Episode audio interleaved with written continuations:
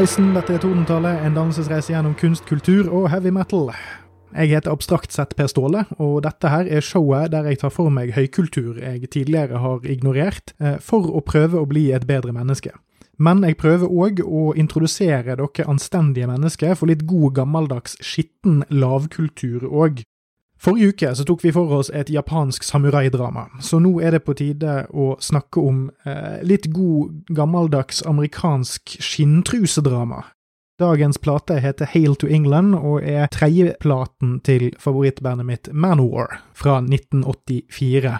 Forhistorien min med denne platen er at den var ikke av de aller første jeg kjøpte, som var Atlantic-platene, altså Fighting the World, Kings of Metal og Triumph of Steel. Det er ikke den formative Manowar-opplevelsen min, da, men jeg, jeg, har, jeg, har, god fartstid med platen, for å si det sånn. Det er ikke sånn at den her er, er en sånn siste edition på lyttekartet. Men jeg, jeg, må si det at den versjonen jeg har vokst opp med, er en uh, eh, 20 år gammel remaster. Så det er Silver Edition jeg liksom er mest kjent med. Uh, det er en remaster fra 2001 som er gjort med en fyr som heter Rich Breen, og med Joey DeMaio. Breen han er en, uh, noen som Manowar ble kjent med gjennom Atlantic-albumene de ga ut fra 87 til 92. Jeg, jeg mistenker at, at, han har vært med på å kanskje gjøre den litt mer punchy. Men det er artig hva man lærer. Jeg har ikke tenkt på før jeg skulle sette meg ned med denne episoden, at jeg ikke har på en måte blitt kjent med lyden sånn som den skulle være, eller sånn som den var opprinnelig. Det, det blir litt som å lure på om det har betydd noe at man så Star Wars-filmene i 1997 eh, digitalt oppusset med dataeffektversjonene først.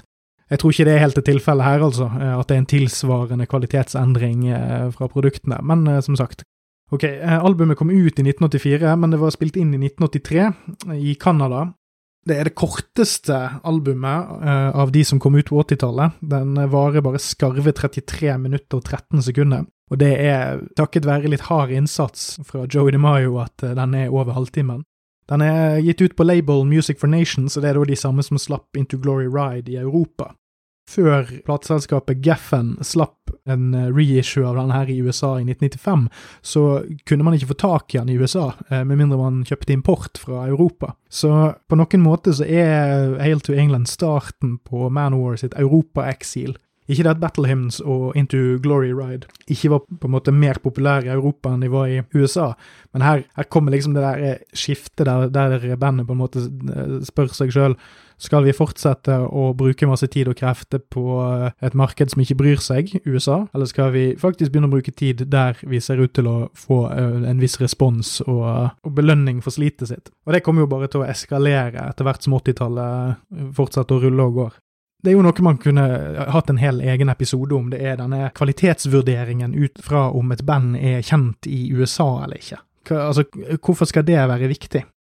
Produsenten på albumet er Jack Richardson. Han er kanskje det nærmeste Manowar kommer å jobbe med en relativt, ikke kjent, men altså en relativt kompetent og bransjeorientert produsent, uten at bandet eller Joey står oppført som koprodusent. Her er faktisk Jack Richardson oppført alene.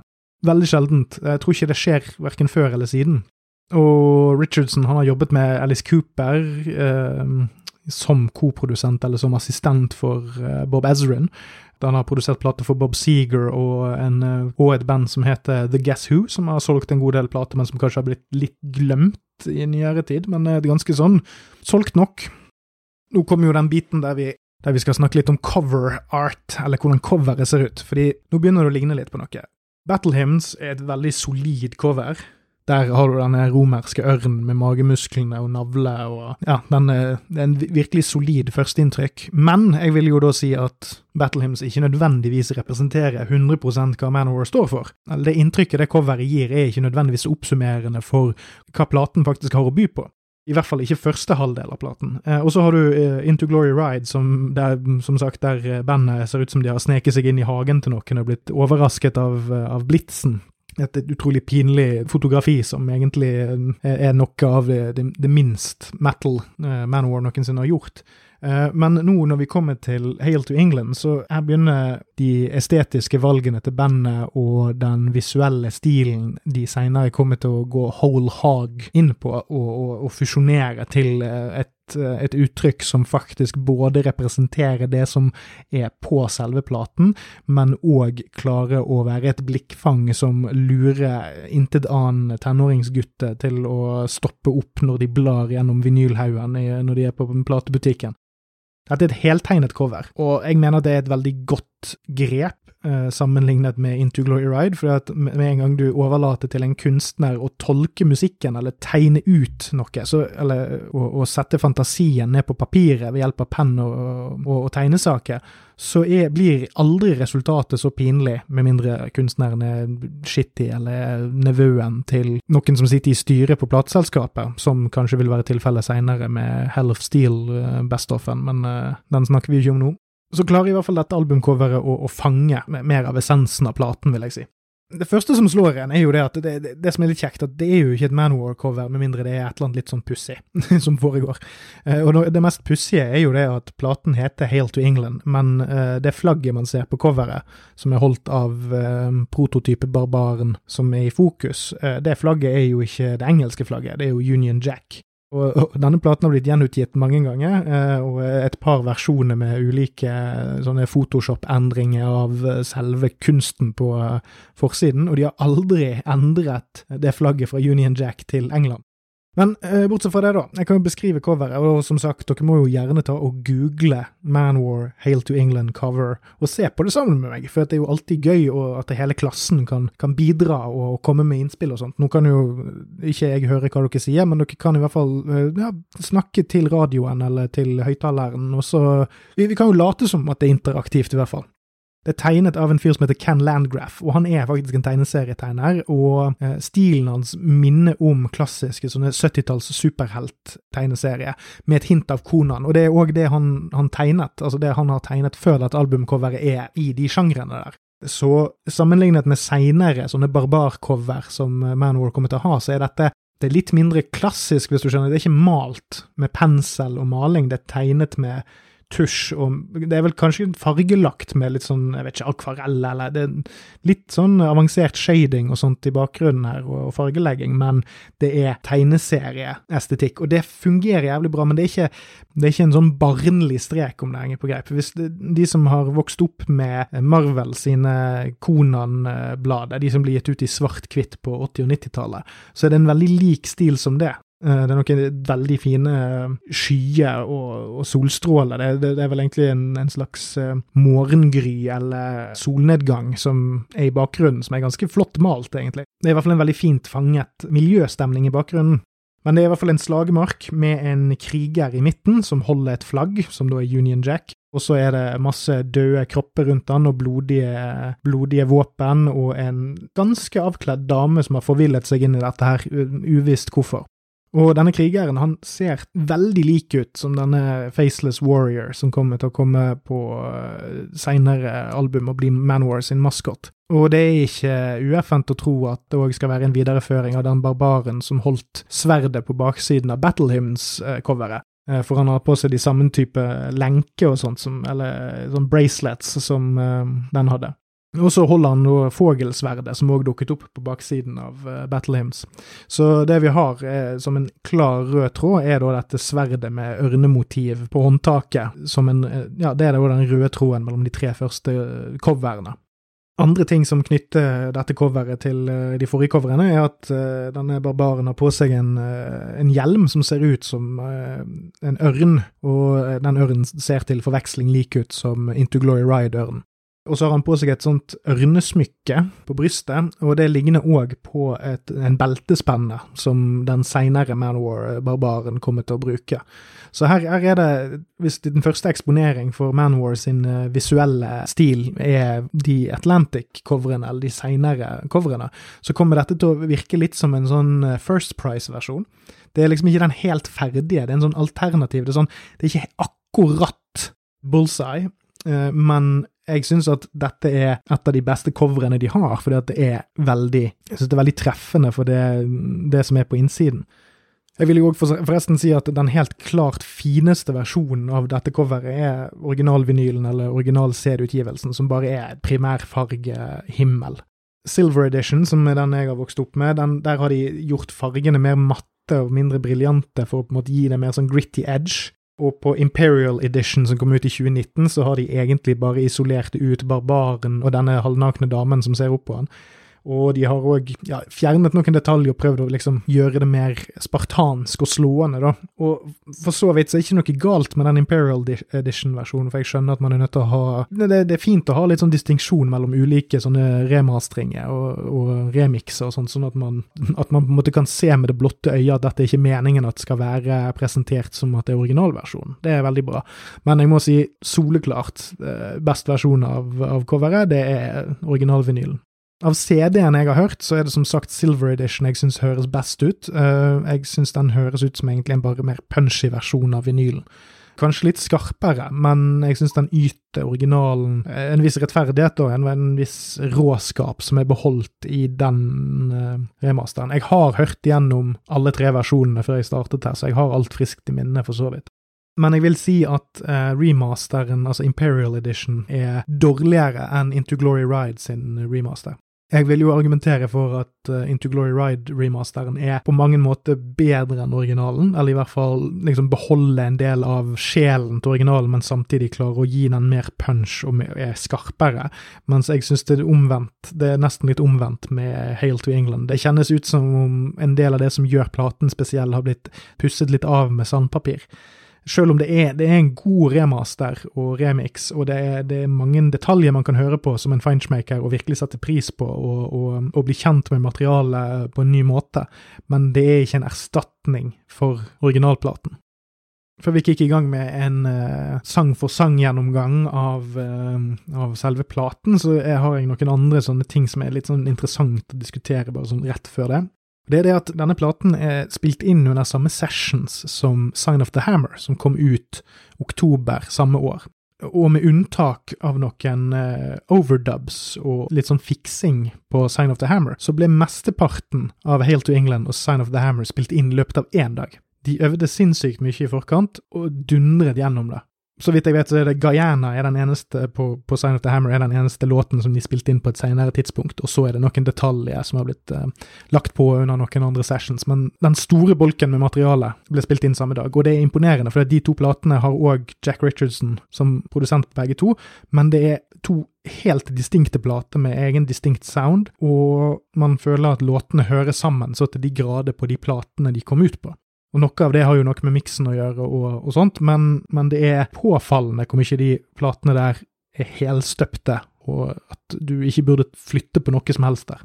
Grunnen til at eh, de spilte inn to plater under de samme altså på samme tid, er at uh, ifølge Joey DeMaio var at de ikke stolte på plateselskapet Music for Nations, og de ville ha en plate klar til det neste selskapet som kom de sin vei. Uh, og budsjettet de hadde var 15 000 dollar, og det tilsvarer ca. 40 000 dollar i dag, eller 340 000 kroner, altså i 2021-valuta. Uh, og det, det, kan jo høres litt mye ut, for nå er jo folk vant til å spille inn under litt andre forhold i dag, men nå må du huske at på den tiden her så måtte du leie studio, du måtte betale for uh, tiden og kreftene til produsenten og gjerne en engineer, og, og, så skulle jo hele bandet ha lønn for den tiden de brukte på dette her, og det, er mye for- og etterarbeid, sant? så det er jo egentlig 7500 dollar per plate. Og ifølge Ross the Boss så tilsvarte dette hele budsjettet til Into Glory Ride, som med tanke på at disse to platene her er det sterkeste materialet de noensinne har levert, i, i, alle settinger du kan ha den diskusjonen Jeg vil jo selvfølgelig argumentere for en del plater som kommer mye seinere, men dette er de platene som er mest allment akseptert som de beste, og det er faen meg noe av det mest imponerende. Og i tillegg så er syns jeg de er tightere enn Into Glory Ride, altså rent teknisk. Men eh, nok om det, nå skal vi hive oss over selve materialet. Selve platen, selve musikken. Hva er det som gjør Hail to England til det mesterverket den er? Da begynner vi med side én, spor én, Blood of My Enemies. Det jo Det starter jo uh, festivitetene med et fantastisk bassanslag og uh, et nydelig gitarakkompagnement til det anslaget. Litt sånn atonalt og rolig. Det er jo ikke artonalt, men det, du får en sånn her litt sånn Oi, hva er det som foregår her? Um, og du får en sånn sakte oppbygging til uh, et av Eric Adams sine karrierebeste skrik. Og det er, en, det er en mektig og tung, men en herlig melodisk låt. Tematikken er litt blandet, for refrenget handler om valkyrie som tar de døde til Åsgård. Men versene handler egentlig mer om en sånn usympatisk type som er ganske ond og dreper folk sammen med sine tre sønner, The Fierce, The Black and The Wicked. Men det som er så stilig med denne sangen, her er at det, er, det fanger Manowar på sitt beste allerede på første låten. Og det har ikke noen av åpningslåtene på de to forrige platene klart. Som dere husker, så er åpningslåtene på de to forrige platene biker-rock-sanger. Som Manowar gjør jævlig bra, men det er ikke det som gjør Manowar til Manowar. Det kommer seinere på begge de platene. Men her, her får vi en helstøpt, bunnsolid, tung, seig, men utrolig mektig og melodisk Manowar-hymne og det setter anslaget så jævlig. altså det er, Når du har hørt denne låten, så er det den, det første gangen en Manowar-åpningslåt har satt deg i humør til å nyte alle låtene som kommer etterpå. Fordi den har en, en, en slags ond twist, altså en sånn, en sånn litt sånn mørk, sånn skitt kristen eh, handling, altså noen som, som, nyter å drepe folk og sende de til gudene i Valhall, eh, men samtidig òg er det en litt sånn her angelisk eh, fremstilling av folk som blir hentet av eh, valkyriene opp til Åsgård, og det er det er så herlig oppsummerende for hva som kommer til å komme senere på platen, både i brutalitet, men òg i, melodi og uh, nesten litt sånn antemisk eller anthem-aktig glory. Her kommer vikingelementene som blir introdusert på uh, Into Glory Ride mer til sin rett, og blir flettet mye mer inn i resten av materialet, istedenfor et par referanser her og der. Det bærer det over i Each Dawn I Die, som er òg en, en, litt sånn blandet eh, fortelling, eh, som òg introduserer litt åsatru og referanse til Odin og sånt, men det er mye mer indirekte, og det er mer et slags sånn sammensurium av ulike kristentematiske um, elementer, men òg eh, en del sånn uh, hedenske riter. rite. Each Dawn I Die er en veldig seig sang, uh, men ikke seig på den måten som er synonymt med kjedelig. Den minner om Hatred fra Into Glory Ride, og som enkelte husker, så er det kanskje en av de få Manowar-låtene jeg misliker. Eller ikke mis, altså, jeg, jeg, kan jo høre den, det er ikke sånn at jeg hater den, men det er ikke en spesielt Jeg syns det er en kreativ, tom sang. Mens Each Dawn I Die har mye av den samme filen gjennom seg, uh, uten at den noensinne går på kreativ tomgang når det kommer til selve um, forakten eller aggresjonen mot universet som, som selve selve sangen på en måte representerer. Fordi tematisk sett så er det, så er det jo en, en, en karakter som er som eh, jeg ser for meg har eh, Altså, det heter Each Dawn I Die. Der har du òg eh, kanskje knyttet inn til litt sånn åsatru. Kanskje det er en sånn en referanse til sånn Odins krigere som har kommet til Valhall og dør hver dag og står opp igjen og sånt. Og så er det òg visse referanser til f.eks. Odin. Så står det 'hung on a tree to rot in the sun', altså sånn som Odin gjorde for å få visdom og sånt. Eh, men så i tillegg så er det referanse da til eksempel uh, Bibelen. Uh, I taste the serpent's poison on the lips of the one I love. Så jeg føler at egentlig her begynner vi å bevege oss litt inn i det der Manowar-tekstuniverset, der teksten handler egentlig mer om følelsen du får av å høre visse fraser i sekvens, mer enn summen av det du har hørt. Dette er noe som kommer til å tilta etter hvert som de gir ut flere og flere plater at meningsuniverset blir kokt ned til kortere og kortere frase, eh, og vi kommer kanskje litt tilbake igjen til det med neste låt. Men at, at man etter hvert blir så fortrolig med, eller bandet etter hvert blir så fortrolig med de følelsene de har lyst til å sende ut, og det inntrykket de har lyst til å sende ut, at de får istedenfor å skrive veldig klartekst hva ting skal bety, eller, hvilken, eller en helt konkret fortelling om en helt konkret eh, fantasy-situasjon, så skaper de en egen sånn, sånn eh, stikkordsliste, nesten, med knapper de kan trykke på for å gi visse inntrykk. Eh, og det gjør Each Dawn I Die. Det er en, en seig, men tight, rett på sak og overhodet ikke kjedelig versjon av Hatred. Det er, en, det er en ond, men god-ond sang, som jeg syns at det er ganske mye av på Hail to England. Det er en god del positivitet, men det er òg en, en, en, herlig, nesten påtatt ondskap som ligger i selve musikken.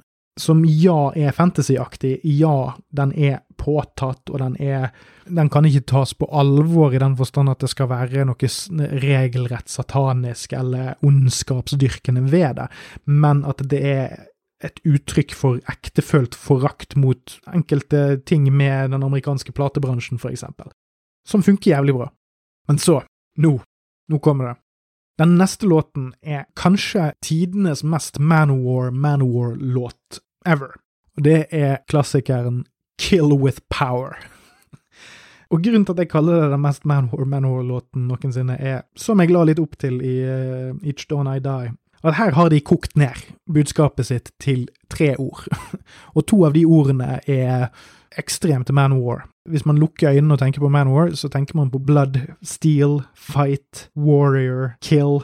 Sant? Altså det, det er sånne kraftige én- og tostavelsesord.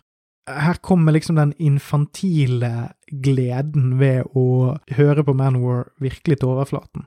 Mitt, mitt tidligste minne av å høre denne låten her, er å sitte på skolebussen med headset på, og så snur sidemannen seg til meg og sier hva faen er det du hører på, jeg hører bare kill, kill, die, die, hva, er det det de synger? Så sier jeg ja, er ikke det kult da? Og så snakket vi ikke med hverandre resten av bussturen. Men, men, det er jo òg det som gjør denne låten så jævlig rå, for det er Hvis man liker musikk, så kan man fort tenke at man skal drive og forsvare det. Eh, at eh, dersom noen kommer til deg og sier at 'herregud, det der er teit', fordi at alt de synger er jo bare Det er jo veldig sånn klassisk sånn eh, problemet man har når man liker metal. Det er sånn 'Å, det er bare, de bare synger om sånn kill og die', og alt å, det er bare sånn drit. Sånn som de fleste metal-folk har hørt fra ja, folk de har gått på skole med, eller foreldre, eller whatever. Uh, og så er jo gjerne responsen ofte at nei, nei, nei, det er mye mer innfløkt enn det der. Det, det, er sånn her, det, å, det, det, er sånn, det er egentlig en metafor for det ene med det andre, og det er sånn Det som er gøy med Kid with Power, er bare Nei, det er en sang om å drepe og herje. Og det er sånn Noen ganger så er det det man trenger. Bare cut the bullshit. Ikke prøv deg en gang på å si at en sang som heter Kill with Power, kan bety noe annet enn Kill with Power. Du ville ikke brukt de ordene for å gi den tittelen til denne sangen hvis du ikke følte at det representerte hva sangen prøvde å si. Så det er ikke så utrolig viktig å ta med seg eller å forklare til tilfeldige forbipasserende at dette egentlig handler om Manowar sin vilje til å knuse all motstand og bli verdens største band. Men for et riff! Det er en fantastisk solo. Hele låten føles som om at den er et tog lagd av sverd og hodeskalle som kommer for å ta deg. Det er sånn, Skal du høre på meningsløst aggressiv heavy metal som også er catchy, så er dette her sangen. Det er, er pff, kanskje en av de beste metal-låtene som er skrevet, spør du meg. Men for å komme over på et litt, mer, et litt mer positivt spor, så går vi da videre til eh, siste låt på side én, og det er da Hail to England, altså tittelsporet, som er en av mine andre yndlingslåter på denne platen. Delvis fordi jeg aldri har hørt han live, fordi Manowar omtrent med ett eller to eller tre hederlige unntak bare spiller han i England. Eller i Storbritannia, i hvert fall. Kanskje de har spilt han i Irland òg, men det husker jeg ikke i farten. Litt kjipt gjort, spør du meg, fordi dette her er kanskje Manwar sin første skikkelige allsanglåt, eller anthem-anthem, eh, og jeg skal prøve å forklare det. Manowar blir seinere kjent for litt mer sånn stadion-rock-metallaktige allsangs-diddies som uh, Warriors of the World, Metal Warriors, Hail and Kill, Kings of Metal. sant? Altså uh, Låter som på en måte er bygd fra bunnen og opp for å rive med seg 10 000 mennesker i allsang, men på en aggressiv og kul måte. Det har det skortet på på disse første Manowar-platene, men Hail to England-sangen er en sang som du blir drevet til å ha lyst til å delta i fra åpningsriffet. Det er et utrolig catchy, gyngende riff som passer ganske greit, siden uh, det er noe referanse til at de er på en båt på vei til England. Så man, man, føler nesten at man er Det kjennes litt ut som man er på en gammel Man of War, som da er et gammelt seilskutekrigsskip. Mens man liksom skuer over ripen for å se om man har sett land, fordi man er på vei til England. Og det, det er på en måte en slags variasjon av Manowar-sangen, altså selve sangen som heter Manowar, fra Battle Hymns. Men forskjellen her er at den selvmytologiseringen kommer enda mer fremme og blir forent med denne fantasy-settingen som Manowar har bestemt seg å, å eksistere i. Så istedenfor at du får en, en, en sånn biker-rock-viekule-sang, som på Battle Hymns, så får du nå en, en mer helstøpt, helhetlig fremstilling av selve bandet i denne selvmytologiseringen. Og, og sangen er egentlig en, en, Egentlig bare at de hedrer England, for at uh, som de synger i tidligere sanger, så ble de De ble født i England. Altså Joey DeMaio og Ross the Boss ble kjent mens de var på turné med Black Sabbath i England, og det var der de første sessionsene de imellom uh, slo rot. Så det er sånn Manor anser seg sjøl til å være født i England, uh, og England har på en måte tatt godt imot dem med gode platesalg og sånt. Og så er dette igjen ikke en bokstavelig sang. Det er en sang som handler om noen som uh, reiser til England for å, for å, hylle selve England, da. Men det er òg referanse, det er jo morsomt, uh, referanse uh, i teksten til Sign of the Hammer. De, de, synger for eksempel The Sign of the Hammer and The Black Wind Blow Through the Night. Og, så dette er jo da på platen som kom ut før Sign of the Hammer. Sangen Black Wind, Fire and Steel kommer jo ikke før i 1987, eh, men Joey DeMaio sin backline eh, ble ofte kalt Black Wind, altså den, den, den lyden av backlinen til Manowar når den ble slått på, uh, før en, uh, altså den duringen man hørte før en konsert. Så det, Og hvem som har kalt det det, det er jo fort Joey DeMaio, det. Men her er det òg sånn en referanse til en sånn større sånn Manwar-mytos som, som, bygger seg sakte, men sikkert. Og det er så artig å se dette her i samtid. Eh, det er visstnok et St. Mary's Cathedral Choir dirigert av David Corell som er med på eh, koringen her. Eh, jeg har sjekket opp på nettet, det er et ekte kor og en ekte fyr. Men jeg har alltid trodd at det har vært synthesizer, av en eller annen grunn. For det høres litt sånn pussig ut. Men samtidig høres det òg litt for bra ut til den typen synthesizer man hadde råd til på den tiden for denne typen innspilling. Det er òg sånne ting jeg får lyst til å grave meg mer ned i, men jeg ikke har tid til før jeg lager disse episodene. her. Det er sånn, Her kom det en rar påstand ut fra uh, høyre fløy, og så uh, kan jeg egentlig ikke ta meg tid til det. Men det er en, det er en vakker og triumferende låt, uh, som kanskje er det første um, eksempelet på en, en, veldig, veldig positiv Manowar-sang. Som, som på en måte har en oppløftende positiv ryggrad, og det som er artig med det, er at det òg skal følges opp på side to av Hail to England, med, og neste låt, som da heter Army of the Immortals. Som er bare den, den ene av to låter da, som er samskrevet med Roster Boss. Ellers er det bare Joey DeMaio som er oppført som writing credit. Men det er da den og Each Dawn I Die som Roster Boss har uh, bidratt til. Jeg vil jo da fremdeles si at Rosterboss sin sjel er en del av alle disse platene her, men uh, writing credits er writing credits. Men Army of the Immortals er kort og godt fansen til Manor, og dette er egentlig en fin sånn halvballade. Den er tung, men den er ikke aggressiv, sant? så vil, det er grunnen til at jeg kaller det en halvballade. Det er ikke, det er ikke en låt som, som skal bringe aggresjon, eller, eller som på noe vis blir negativ, på et vis. Og den, den, handler bare om hvor rørt Manowar blir av det fansen deres gjør for dem. Altså brevene de skriver, og hvor mye de utsetter seg for elementene for å se showene deres. og uh, Det er det første gangen et regelrett sentimentalt uttrykk som bandet kommer med. Fra måten teksten er bygd opp på, til måten den leveres på av Eric Adams, på måten det er et veldig sånn Nesten sånn, litt sånn lett svevende riff Eh, så, så, føles det som en, en gavepakke til fansen. Det, det, kjennes aldri ut som om det er, er påtatt eller, eller, noe man har gjort for å, å, virke som om at man er takknemlig, men egentlig ikke er det. Men det er, det er, rett og slett bare en veldig fin, soft, nice, lite pledd av en metal-ballade. Det er rett og slett bare en, en, en veldig fin låt, som er ment for fansen, og jeg, jeg mistenker at av alle sangene på denne låten, så er det kanskje denne som er den som er minst appellerende til en som kommer utenfra, fordi selve teksten er dedikert til fansen, og at den kanskje kan høres litt sentimental ut, og at derfor den ikke er så tilgjengelig for nye lyttere, men jeg syns den står seg som en uavhengig låt uansett. Men da skal vi hive oss over en liten diddy som heter Black Arrows. Ok, de av dere som hørte på Battle Hymns-episoden min, vil huske det at uh, der er det en sang som heter Williams Tale, som er en uh, adopsjon av uh, en klassisk låt som heter Wilhelm Tell, der Joey DeMaio skal imponere alle med hvor teknisk flink han er til å spille bass, og hvor fort han kan spille bass. Um, og at jeg ikke gravde meg så veldig mye ned i det, for det var bare en bassolo, og den bassoloen var kul og artig, men har, jo eldre jeg har blitt, jo mindre opptatt er jeg av at andre skal skjønne hvor jævlig teknisk flinke uh, musikerne jeg liker er. Og her kommer vi jo da til kanskje den største skampletten på albumet.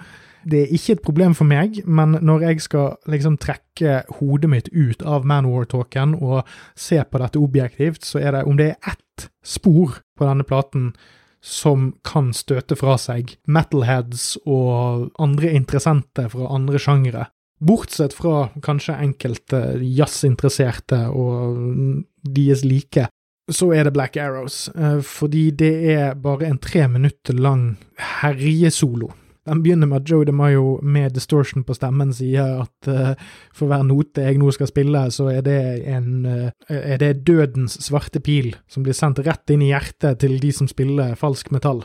Og så sier han blæ! Og så begynner han å spille. Og det er jo òg deler av meg som mistenker at uh, man har slengt med denne låten av, av, av ymse tidsmessige grunner. Det Som tidligere sagt, så er dette den korteste platen uh, på 80-tallet, og den hadde bare vært sju sekunder over halvtimen dersom denne, platen, denne låten ikke hadde vært med. Så man kan jo tenke sitt om det. Eh, Joey DeMaio kommer til å fortsette med å ha ymse bassoloer over de neste ti årene på forskjellige plater. Og man kan tenke på denne bass-solo-greien hans som et slags substitutt for når han har bassolo og tale på konserten. Det er òg en ting som er veldig sentral del av det å være Manwar-fan og det å gå på Manwar-konserter, er at Joey har en bassolo og eh, forteller deg eh, ting om hvor kult det er å bo i det landet du bor i, og hvor mange fine damer vi har her, og hvor mye folk som eh, bor her kan drikke. og ja, mye skryt man får eh, når man er på eh, konsert med Joey.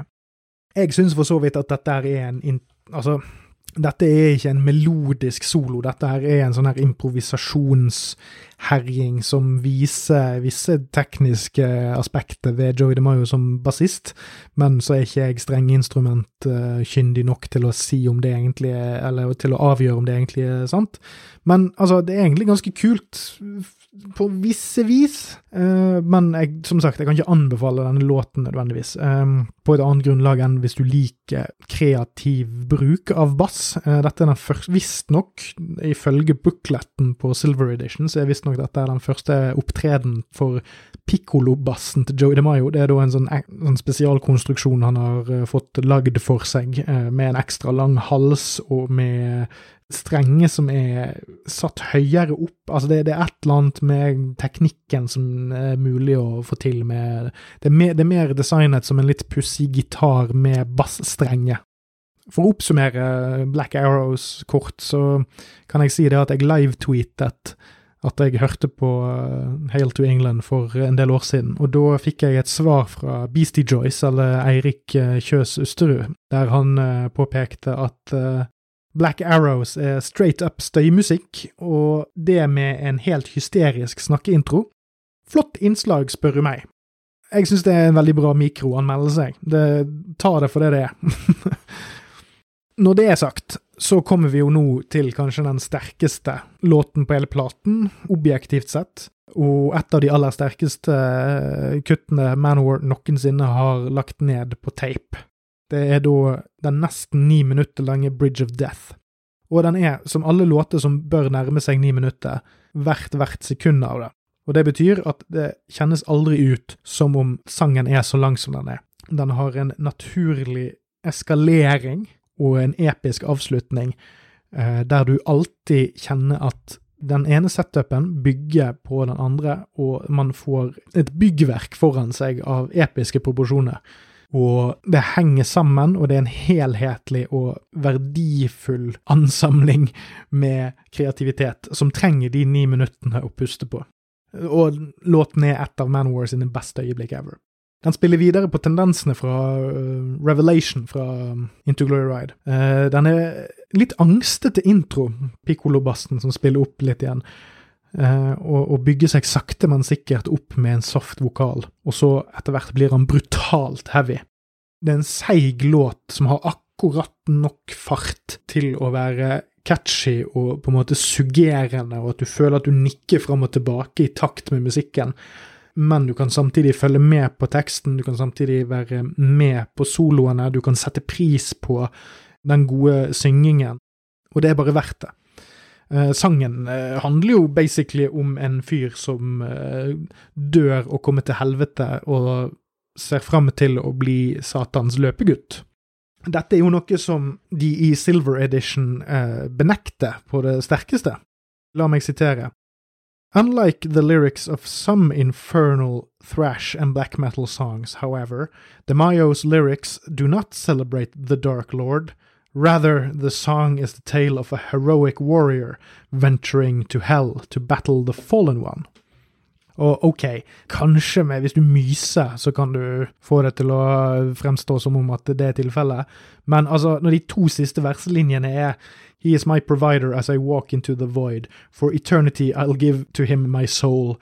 I shall do his bidding, obey him without question, even walk among the living if I'm told. Satan, don't forsake me. I wait for you to take me. Grant me wings, and as your messenger I'll fly. Det, hva, hva slags jævla gaslighting er det du holder på med her, Joey? Det her er Hvem var det som var så jævlig redd for at noen skulle anklage Manwar for å være sataniste? Det, du kan ikke drive og skrive en fullverdig Satan er King Hail Lucifer sang, og så drive og putte inn en setning i en booklet om at nei, nei, nei, dette handler om å beseire Satan og sånn. Nei, nei, dette er en, en, en, låt som handler om at Lucifer er, og Satan er jævlig kul, og at det er om å gjøre å overgi sjelen din til han, sånn at du kan være en mektig asshole som kan herje på hans vegne som òg er det Manowar gjør best. Altså det, de øyeblikkene der, du, der både du og bandet kan slutte å tenke på at nå er det Manowar som gjør Manowar-ting, og du kan sitte og få servert en god, gammeldags tale om en mann som dør og drar til helvete, og, og opplever ulike ting som en konsekvens av det det er magisk, for, fordi jeg syns at det er en av de tingene Manowar gjør jævlig bra, men ikke gjorde nok av i sine glory days. De har gjort varianter av det, og jeg syns alltid at de aspektene med Eric Adams sin sangstemme og evne til å levere tekst, og Joy DeMayo sin evne til å bygge tekstunivers med måten han skriver tekstene på, at, at det har kvaliteter, og det, de spiller videre på det, men, men disse helt konkrete, isolerte fortellingene som ikke har noe med liksom større Manowar-universet å gjøre, er ofte noen av de kuleste og beste låtene. I hvert fall i det tidlige materialet. Og det er, det er synd at det blir mindre av det etter hvert som bandet går videre. De, blir, de, kommer, de, de, kompenserer for det med andre ting, men sanger som Bridge of Death og Revelation på Into Glory Ride og uh, Guyana på uh, Sign of the Hammer er, er eksempler på dette, der Manowar løsriver seg fra denne mytosen de prøver å lage, og bruker den kreative kraften de har gående til å lage noe unikt Manowar, men som ikke eh, lar seg eh, føre av disse kreative vyene de har med dette barbaruniverset sitt. Men du kan ta Bridge of Death ut av Hail to England-albumet, og du kan sette den ved siden av en hvilken som helst annen satanisk inspirert metal-klassiker, og den vil kicke assen til omtrent hva enn du setter opp mot den. Dette er satanisk heavy metal på sitt beste, der du aldri sitter og lurer på om bandet er satanisk. Eh, egentlig, hvis du har hodet litt med deg. Det, du, blir bare, du får bare et herlig smil om munnen fordi at det er så, det er så herlig nytende i ondskapen sin. Er det gjort for shock value? Ja, men det er gjort med kunstnerisk integritet til å backe det opp, og det er faen ikke mange band på dette tidspunktet som klarte. Som jeg kanskje nevnte tidligere, så har jeg inntrykk av at Hail to England og Sign of the Hammer, og til dels Into Glory Ride, er de mest respekterte albumene utenfor fandomen til Manowar. Og av de tre så vil jeg si at Hail to England er den Manowar-platen som alle må høre. Eh, og det sier jeg av litt forskjellige grunner. Og det er som jeg har lagt opp til, så er det det at jeg syns at dette her er et album som klarer å forsone barbar- og vikingtemaene som Manowar bruker, med denne Manowar-mytosen som de samtidig driver og bygger opp i sekundærlåtene sine, samtidig som den videreutvikler og er startskuddet på den mer anthem-fokuserte biten av sounden, som kommer til å bli den som dominerer bandet sin output herfra og ut, i hvert fall fra Fighting the World. Så det er her du hører starten på det kommersielle Manowar på noen vis. Men det er 100% genuint og autentisk i konteksten det er presentert i. Produksjonsmessig så vil jeg si at eh, dette er spilt inn på én dag. det er fantastisk. Det er en dritbra balanse mellom Joey sin rytme, gitar, bass, med den solide, skitne, grove bunntonen, og måten det spilles opp mot og sammen med Ross the Boss sine rytmeseksjoner og soloer. Det er en, det er en helt du, du, hører at de har jobbet med dette materialet. her. Jeg har, jeg har hørt mye mer erfarne band som har brukt 100 ganger så mye tid i studio for å lage noe som er en tiendedel av så kunstnerisk koherent som det dette er. Det er et, et album som fra det starter til det slutter høres ut som om at det er én visjon, én beskjed, ett prosjekt. Og det er så inn i helvete tight. Og det er enda mer enn på de forrige to platene, så det er enda mer distinkte og harde riff på denne platen. her. Du kan høre at bandet kan det de driver med, men de har ikke hatt tid eller anledning til å polere det, og det gjør ingenting. Det er en, det er en, det er en uh, diamond in the rough som ikke engang trenger å unruffes, som jeg påpekte med Imperial Editions. Det er et perfekt eksempel på en plate som, som høres røft ut fordi de ikke hadde tid eller penger, men det koster ikke musikken et øre. Musikken høres perfekt ut, og jeg vil si den mister noe med en gang du prøver å polere det og gjøre det mer Altså få mer punch eller mer varme eller mer bunntone. Nei, dette er et aggressivt, men melodisk album som var gjort perfekt i utgangspunktet. Og det er kult å høre nye versjoner. Jeg liker å høre nye versjoner, jeg liker å høre nye varianter, men dette er bunnsolid sånn som det er. Og eh, jeg vil si, det, det er andre Manowar-plater jeg liker mer, altså som er liksom nærmere mitt hjerte, eller altså representerer bandet mer liksom for min personlige smak og sånt. Men det jeg kom fram til Jeg diskuterte dette kjapt med broren min før innspilling, eh, og, og når vi diskuterte det så litt sånn fram og tilbake, så kom jeg fram til det at Hail to England står ikke i skyggen av noen av de andre platene i Manowar sin diskografi. Det er ingen andre plate i diskografien som kan spilles rett etter en annen, og alltid kunne matche pound for pound det den forrige platen har levert. Hvis jeg setter på Kings of Metal, og så setter jeg på Hail to England, så føles det ikke som en downgrade i det hele tatt. Hvis jeg setter på Battle Hymns, så kjennes det ut som at uh, Hail to England matcher den perfekt. Det er det albumet som passer inn i alle andre æraer av bandet sin historie, og som uh, representerer et stort emosjonelt spektrum på en genuin måte, og det er, det er den aller varmeste anbefalingen jeg noensinne kommer til å gjøre av et album på denne podkasten her.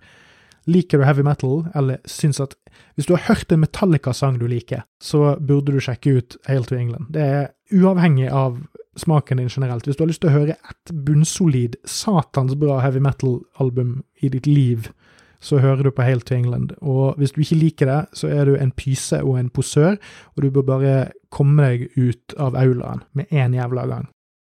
Nå må vi dessverre ta og avslutte, fordi jeg har eh, ikke viktigere ting å gjøre, men jeg eh, burde f.eks. få meg søvn og næring og litt andre ting som er viktig for å holde folk under graven.